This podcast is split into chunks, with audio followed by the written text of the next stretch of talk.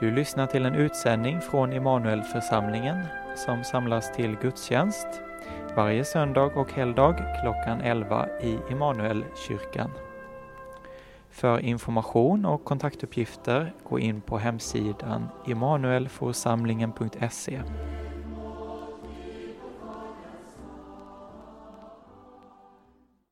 Herre vår Gud, du som inte vill någon syndares död. Styr våra hjärtan och tankar med din heliga Ande, så att vi med din rättvisa dom för ögonen lever enligt din vilja och sedan får vara hos dig i evigheten. Genom din Son Jesus Kristus, vår Herre. Hör Herrens ord ifrån Jesaja boks 65 kapitel. Så säger Herren. Se, jag skapar nya himlar och en ny jord och man ska inte mer komma ihåg det förgångna eller tänka på det. Men fröjda er och jubla till evig tid över det som jag skapar. Ty se, jag skapar Jerusalem till jubel och dess folk till fröjd. Jag ska jubla över Jerusalem, fröjda mig över mitt folk. Där ska inte mer höras gråt eller klagan. Hör också Herrens ord ifrån Andra Petrusbrevets tredje kapitel. Glöm inte detta, mina älskade, att en dag för Herren är som tusen år och tusen år som en dag. Herren dröjer inte med att uppfylla sitt löfte så som en del menar. Nej, han har tålamod med er eftersom han inte vill att någon ska gå förlorad utan att alla ska få tid att omvända sig. Men Herrens dag kommer som en tjuv och då ska himlarna försvinna under våldsamt dån och himlakroppar upplösas av hetta och jorden och de verk som är på den inte mer finnas till. Då nu allt detta går mot sin upplösning, hur heligt och gudfruktigt ska ni då inte leva medan ni väntar på Guds dag och påskyndar dess ankomst, den dag som får himlar att upplösas i eld och himlakroppar att smälta av hetta. Med nya himlar och en ny jord där rättfärdighet bor väntar vi på efter hans löfte. Så lyder Herrens ord. Gud, vi tackar dig. Upplyft era hjärtan till Gud och hör dagens heliga evangelium. Så skriver evangelisten Matteus i sitt trettonde kapitel. Jesus framställer för sina lärjungar denna liknelse. Himmelriket är likt en not som kastas i sjön och fångar fisk av alla slag. När den blir full drar man upp den på stranden och sätter sig ner och samlar de goda fiskarna i kärl, men de dåliga kastar man bort. Så ska det vara vid tidsålderns slut. Änglarna ska gå ut och skilja de onda från de rättfärdiga och kasta dem i den brinnande ugnen. Där ska man gråta och skära tänder. Perspektivet som vi möter i Nya Testamentet när det gäller domens dag, det är att någon, det är någonting som Jesu lärjungar längtar efter. Det är en dag att påskynda och det är en dag de ber ska komma snart. Det är en dag de ska glädjas över när den kommer.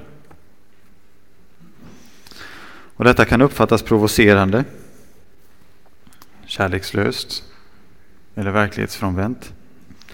Dom låter med en gång väldigt negativt. Och särskilt om man tänker att man hör till dem som då enligt den kristna tron får en fällande dom. Men även om man hör till dem som blir frikända kan man verkligen glädjas över en sådan dag när man vet att andra blir dömda inte tanken på evigt straff som ett alternativ alldeles för, för fasansfullt för att man alls ska kunna känna något annat än förskräckelse inför domens dag. Och i förlängningen, vad är det för en Gud som straffar dem som inte vill ha med honom att göra? Är inte det bara höjden av egenkärlek, maktfullkomlighet? Strider inte det mot tanken på en kärleksfull, god och förlåtande Gud. Det finns väldigt mycket att säga om den här dagen. Om den glädje som finns när Jesus kommer tillbaka. Men jag tror också att vi behöver brottas med dessa frågor som därför hamnar mer i förgrunden i denna predikan. Och de rubrikerna som jag har satt är första, domens dag är nödvändig för verklig rättvisa. Den andra är survivor guilt, skuldkänslor hos de överlevande. Och den tredje, det finns inget mer Gud kunde ha gjort. Den första, domens dag är nödvändig för verklig rättvisa. Man kan säga att i grunden finns tre olika sätt att tänka kring rättvisa och för er som har begrunda hemma så känner ni igen detta. Om ni har läst det senaste numret. Det första är att det finns ingen verklig rättvisa, ingen egentlig rättvisa. Världen är tillkommen av en slump, vi är tillkomna av en slump. Och slumpen är blind för begreppen rätt och fel, gott och ont. Det finns ingen och inget som ser till att någon rättvisa skipas, varken nu eller senare eller tidigare. Och en sådan världsbild som utgår ifrån att livet här och nu är allt som finns måste erkänna att ondskan, så som vi upplever det då, många gånger får sista ordet. Man kan ju egentligen inte ens tala om ondska eftersom det objektivt sett enligt denna världsbild inte finns något gott och ont. Och det första kan nog vara många som håller med om eller tänker att det är så att det här är en slump att vi finns till här och så vidare. Men det andra tror jag de allra flesta människor känner intuitivt. Att nej, det finns någonting som faktiskt är verkligt ont. Och särskilt när man drabbas av det. Och rättvisan då i ett sånt här system kommer kanske oftast i form av hämnd på ett eller annat sätt. Eller längtan efter hämnd. Att det här får inte passera ostraffat. Och det här känner vi ändå djupt i vår varelse. Och då tänker vi att det är upp till oss att skaffa denna hämnd på ett eller annat sätt. Det andra sättet man kan tänka kring rättvisa är att allt som händer är rättvist. Allt människor är med om, drabbas av, är rättvisa. Människor får vad de har förtjänat, antingen på grund av vad de gjort i detta livet eller ett tidigare. Drabbas du av lidande nu så är det för att vi i ett tidigare liv har orsakat någon annan lidande. Genom karma upprätthålls en, en slags kosmisk balans av gott och ont och vad du sår får du skörda. Om inte nu så i nästa liv. Och konsekvensen då enligt sånt här sätt att, att se på det blir att offren för våld, orättvisa eller vad det än kan vara, de får skylla sig själva. Så en fyraåring som blir våldtagen får bara vad den förtjänar. Flickan som hade oturen att födas som flicka och inte en pojke och kastas bort. Det är en rättvis dom.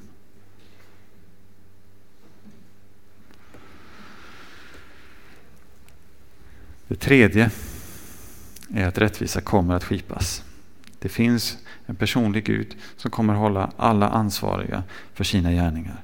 Dagen kommer då det sätts en definitiv gräns för ondskan. En dag då allt som har skett under solen ska komma fram i ljuset och ingen kommer kunna smita undan sitt ansvar.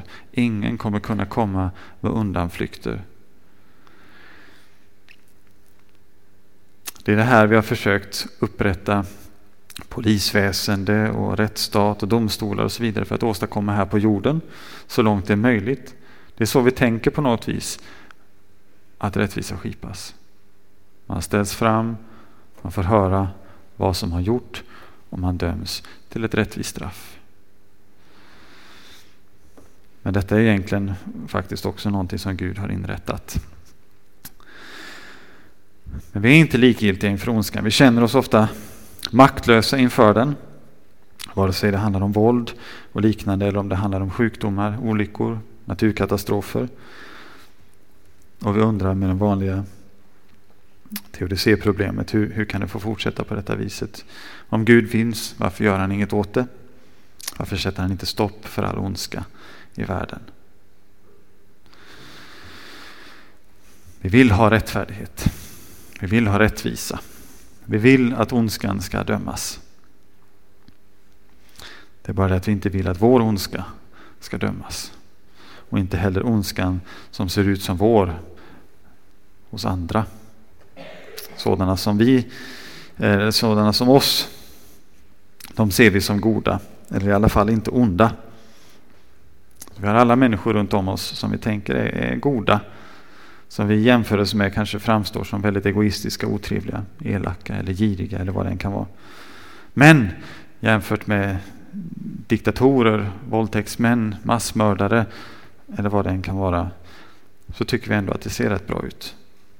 Borde inte Gud dra gränsen någonstans däremellan istället? Så att vanligt hyfsa, hyfsade, hederliga människor ändå kan komma in på egna meriter men de här särskilt onda, ja, de, de får vad de förtjänar. Det är så vi har i vårt rättssystem ungefär. Lite vanlig hederlig småbrottslighet, småfiffel eller något sånt där, det kan man komma undan med. Och det tänker vi inte så mycket Eh, om hos andra, eller så kanske vi gör det några av oss. Men de flesta tycker att ja, men, det är okej. Okay. Men lite grövre brott eller särskilda brott, de ska straffas. Så de flesta de klarar sig och sen så är det några få särskilt onda som vi tycker ska dömas. Som ska få kännbara straff. Men var drar man egentligen gränsen för när någon är tillräckligt god eller när någon är tillräckligt ond? Ska vi vara de som drar den gränsen? Vill vi släppa in lite orättfärdighet, lite ondska i himlen så att i alla fall vi och de vi bryr oss om får komma in? Nej, Gud är den som drar gränsen. Och den gränsen går vid fullkomlig godhet och fullkomlig rättfärdighet. För annars är inte himlen en himmel. Utan bara en förlängning av eländet på jorden. Och därför är det endast en som släpps in. Och det är hans son. Det är därför det i Nya Testamentet hela tiden står i Kristus. I Kristus. I Kristus. De som är i Kristus. Det är bara i honom det finns total godhet. Bara i honom det finns fullkomlig rättfärdighet. Det är bara i honom det finns en helt osjälvisk kärlek och det är bara i honom det finns ett renande blod och förlåtelse. Utan Jesus så finns ingen rening från synden. Ingen försoning, ingen frid med Gud.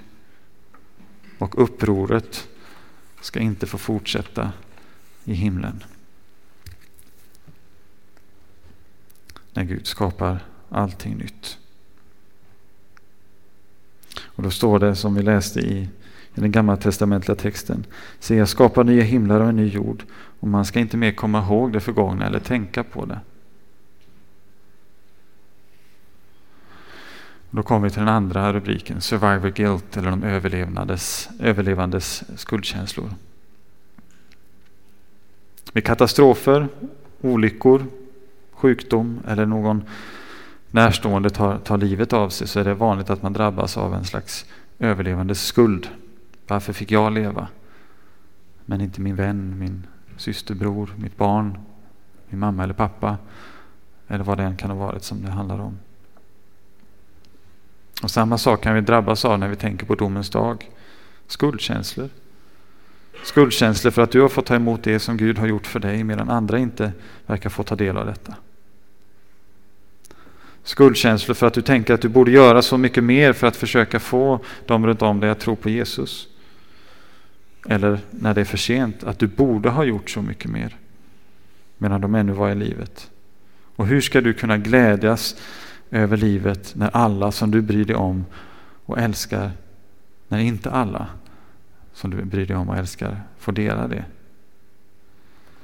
Eller egentligen, hur kan du glädja dig över det eviga livet medveten om att någon enda går förlorad? C.S. Lewis som, som skrivit Narnia-böckerna men också många andra böcker skrev eh, Den stora skilsmässan. Och där tar han upp detta, hur kan någon glädja sig över sin frälsning när så många andra går förlorade? Och hur kan himlen, om man så vill, den nya himlen, den nya jorden vara en plats där glädjen är odelad? När mer eller mindre alla som är där har haft någon här i livet som man inte har fått med sig. Han skriver vi tänker att den slutgiltiga förlusten av en enda själ skulle omintetgöra alla de frälstas glädje. Så fortsätter han. Det låter mycket barmhärtigt. Men tänk efter vad som döljer sig bakom det. De kärlekslösas och egocentriskas krav att de ska tillåtas utpressa universum. Att ingen ska få vara lycklig förrän de går med på att på sina egna villkor vara lyckliga. Att de ska ha den slutgiltiga makten. Att helvetet ska kunna säga sitt veto till himlen. Det måste bli på det ena eller andra sättet. Antingen måste den dag komma då glädjen härskar och alla de som vållar sorg förlorar makten att störa den. Eller så kommer för alltid de som vållar, vållar sorg att hindra andra från den lycka som de för egen del vänder ryggen åt. Jag vet att det låter storslaget att säga att vi inte tar emot en frälsning som lämnar någon. Vore det också bara en enda i mörkret utanför. Sen kommer lite krånglig mening här. Men låt oss akta oss för den sofismen, annars kommer vi att göra den lumpne egoisten till kosmos tyrann. De människor som Lewis målar upp här kanske vi känner inte stämmer överens med den bild på människor som vi kanske ser framför oss när vi tänker på detta. Eh, människor som är i vår närhet som vi känner stor oro inför. En händelse som han beskriver i anslutning till detta kan göra det lite lättare att förstå orden som han tar till eh, för sin beskrivning. Men även när vi gräver lite djupare så är de orden sanna om varje människa. När vi ser med Guds ögon på det. När vi ser med våra mänskliga ögon så kan vi inte förstå hur människor som vi älskar och som vi tycker gör så gott de kan ska dömas till evigt straff. Vi känner det djupt inom oss som orättvist. Och det är en förskräckligt svår sak att prata om, men vi måste göra det. Vad är det egentligen som ligger bakom en sån tanke? Det är två saker. Den första tar jag upp nu och den andra är sista, predikan, eller sista rubriken för predikan. Det första av det som ligger bakom en sån tanke är att vi som så ofta får att handla om förtjänst. Att det är våra gärningar, goda eller onda, som det hänger på. Men det vi inte kan se är att alla våra rättfärdiga gärningar, som Jesaja skriver, är som en fläckad dräkt. Gud ser till hjärtat. Och det vi tänker eh, när vi hör det är kanske att det innebär att han ser till våra goda intentioner. Och det är bra. Men våra intentioner är inte goda.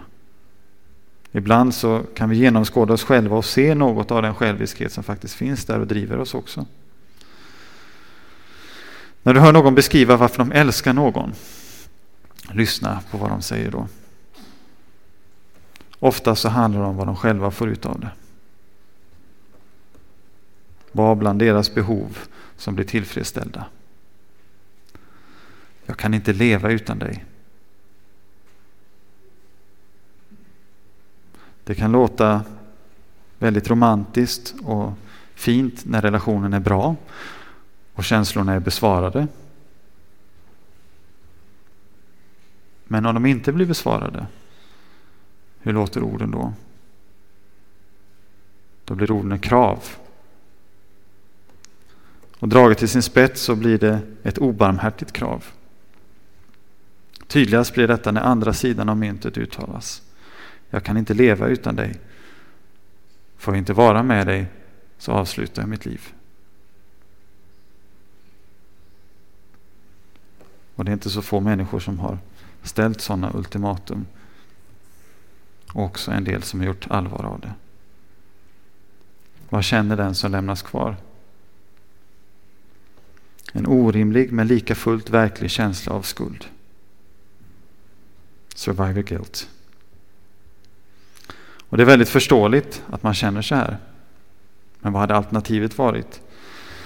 Att vara tillsammans såsom kidnappad, en gisslan som hålls fången av någon annans begär.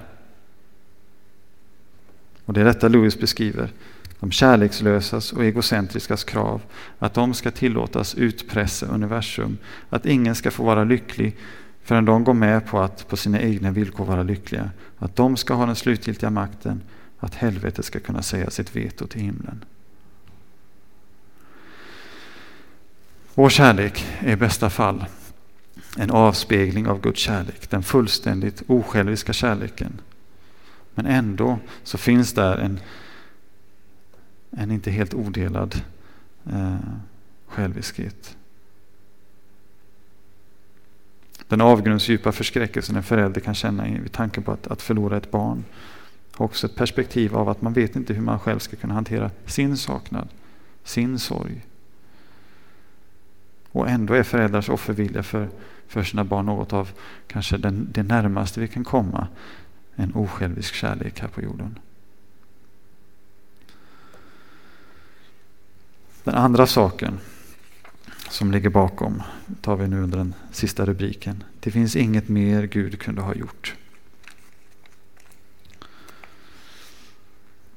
Det andra som ligger bakom en sån tanke, att vi inte kan förstå hur Gud kan döma någon som vi tycker gör sitt bästa till evigt straff, det är att vi underkänner Guds rättvisa.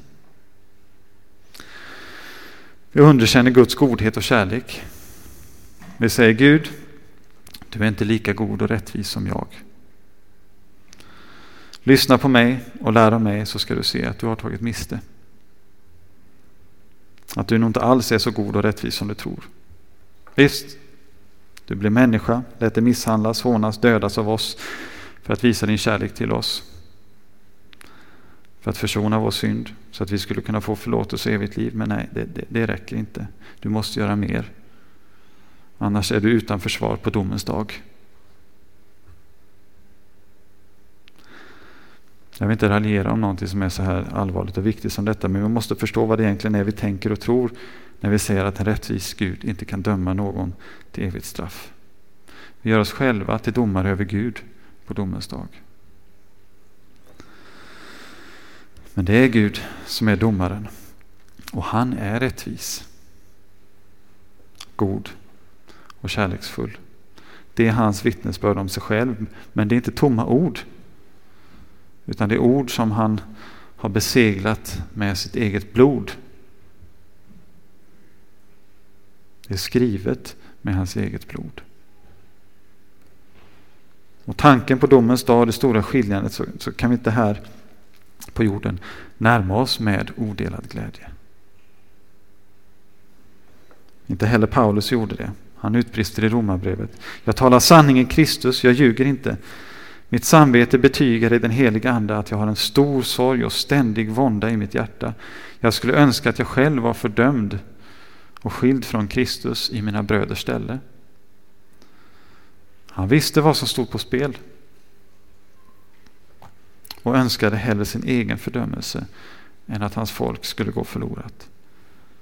Men samtidigt visste han Gud är rättvis. Domen är rättvis. Och han visste också att Gud har mer tålamod än någon kan begära.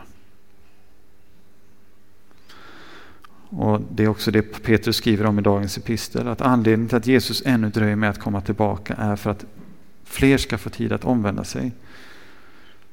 Och det är samma Jesus som grät över Jerusalem för att han visste att de kommer inte ta emot mig.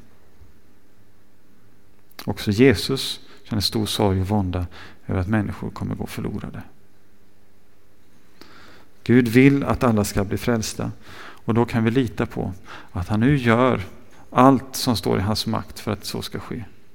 Och på den yttersta dagen så kan vi veta att han kommer att ha gjort allt som står i hans makt för att människor ska kunna bli frälsta. Vi kan inte nu förstå det och vi kan inte glädjas åt det. Men de som slutligen skiljs från Gud och inte har en plats i himmelriket, de har själva gjort sitt val. Också här tror jag att C.S. Lewis har fångat något väsentligt när han skriver i samma bok. Det finns till slut bara två slags människor. De som säger till Gud, ske din vilja. Och de till vilka Gud till slut säger, ske dig som du vill. Här rör vi det är så stora frågor så vi, vi bottnar inte om vi inte håller oss till det som Gud har uppenbarat. Och som jag sa för några veckor sedan, blir, blir någon räddad till evigt liv så är det helt och hållet Guds verk. Blir någon räddad så är det Guds förtjänst. Men går någon förlorad så beror det på den personen helt och hållet. Och inte att Gud på något sätt har hållit igen varit snål med sin frälsning, inte har velat.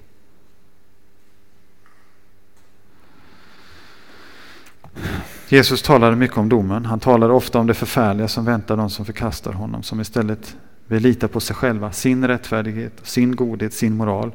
Och det gjorde han för att varna, för att ruska om oss så att vi förstår att det här är allvar, mer än allvar, mer allvar än något annat. Så att vi medan det ännu finns tid ser till att ha det rätt ställt med Gud. Den här texten med sin parallell om ogräset och vetet handlar egentligen om särskiljandet bland de som kallar sig kristna.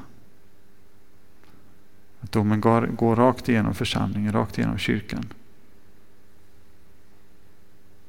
Det är ett varningens ord för att vi inte ska somna eller fastna i en falsk förtröstan utan ha vår förtröstan på honom.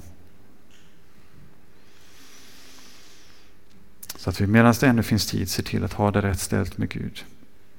Att vi här i Jesus, att vi här ser Jesus, vår frälsare, så att det också är som frälsare han kommer tillbaka för oss. Medan de som här ser honom som en domare och i deras ögon en orättfärdig sådan kommer också möta honom som en domare och då till deras förskräckelse få se att han är fullkomligt rättvis i sin dom när de väl får se sitt liv i Guds ljus. Och då får de se att den rättvisa som de ropade efter, som de menade att Gud inte hade, det är den fullkomliga rättvisan. Och det är den som dömde dem. Men har vi redan nu fått se vårt liv i Guds ljus, fått våra gärningar dömda, fått också vårt hjärta dömt också, dödats av ordet, då har vi dött bort ifrån lagen. Då finns det inte längre något som kan vittna mot oss på domens dag. Inte för att vi är bättre än någon annan. Kristna är inte ett dugg bättre än någon annan. Utan det är bara på grund av Jesus och hans förlåtelse. Bara på grund av Jesus och den rättfärdighet som han har skänkt oss. Och så finns nu ingen fördömelse för den som är i Kristus Jesus. I Kristus. Och då väntar en evighet som är odelad glädje. Inte genom förnekelse, inte genom skygglappar, utan att vi har fått se Guds fullkomliga rättvisa, hans godhet, hans fullkomliga kärlek att han har inte hållit tillbaka något enda av den. Vi har fått se att han var tvungen att sätta ett definitivt stopp för ondskan. Skilja det onda från det goda för att helvetet inte skulle kunna säga sitt veto till himlen. För att inte låta djävulen tyrannisera de frälsta med skuldkänslor över att inte också de är fördömda.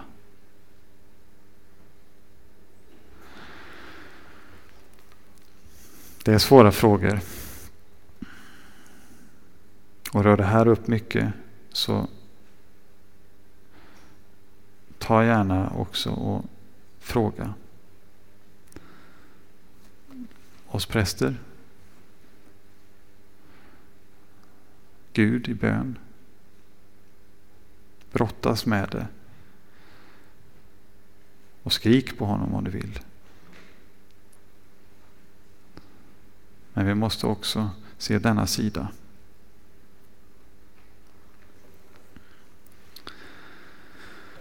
Vi avslutar med att läsa om hur Johannes försöker beskriva oss när vi är i himlen hos Jesus från Uppenbarelseboken. En av änglarna talade till mig och sa Kom, jag ska visa dig bruden, Lammets hustru. Och han förde mig i anden upp på ett stort och högt berg och visade mig den heliga staden Jerusalem som kom ner från himlen från Gud. Den hade Guds härlighet, dess strålglans var som den dyrbaraste ädelsten, som kristallklar jaspis. Och sen fortsätter Johannes här med en, en, detaljerad beskrivning av murarna och portarna och staden. När han tar till hjälp det, det finaste han kan komma på från det som han har sett här på jorden. Och så fortsätter han att tala om Gud. Något tempel såg jag inte i staden. För Herren Gud den allsmäktige och Lammet är dess tempel. Staden behöver inte sol eller måne för att få ljus. För Guds härlighet lyser upp den och dess lampa är Lammet. Och folken ska vandra i dess ljus och jordens kungar ska föra in sin härlighet i den. Dess portar ska aldrig stängas om dagen. Natt ska inte finnas där. och folkens härlighet och ära ska föras in i staden. Aldrig ska något orent komma in i den och inte heller den som ägnar sig åt skändlighet och lögn utan bara de som är skrivna i Livets bok som tillhör Lammet. Och han visade mig en flod med livets vatten, klar som kristall, som går ut från Guds och Lammets tron. Mitt på stadens gata, på båda sidor om floden, står livets träd. Det bär frukt tolv gånger, varje månad ger det sin frukt. Och trädets löv ger läkedom åt folken, och ingen förbannelse ska finnas mer. Guds och Lammets tron ska stå i staden, och hans tjänare ska tjäna honom. De ska se hans ansikte och bära hans namn på sina pannor. Ingen natt ska finnas mer. Och de behöver inte lampors sken eller solens ljus, för Herren Gud ska lysa över dem, och de ska regera som kungar i evigheters evighet. Ära vare Fadern och Sonen och den helige Ande, så som det var av begynnelsen, nu är och skall vara, från evighet till evighet. Amen. Lovad vare Gud och välsignad evighet, som med sitt ord tröstar, lär, förmanar och varnar oss. Heliga Ande, skriv ordet i våra hjärtan, så att vi inte blir glömska hörare, utan varje dag växer till i tro, hopp, kärlek och tålamod, in till tidens slut och blir saliga. Genom Jesus Kristus, vår Herre. Amen. Låt oss stå upp och bekänna vår heliga kristna tro. Vi tror på Gud Fader allsmäktig, himmelens och jordens skapare. Vi tror också på Jesus Kristus, hans enfödde Son, vår Herre, vilken är avlad av den helige Ande född av jungfrun Maria, pinad under Pontius Pilatus, korsfäst, död och begraven, nederstigen till dödsriket, på tredje dagen uppstånden igen ifrån de döda, uppstigen till himmelen, sittande på allsmäktig Gud Faders högra sida, därifrån igenkommande till att döma levande och döda. Vi tror också på den helige Ande, en helig allmännelig kyrka, det heliga samfund, syndernas förlåtelse, kroppens uppståndelse och ett evigt liv.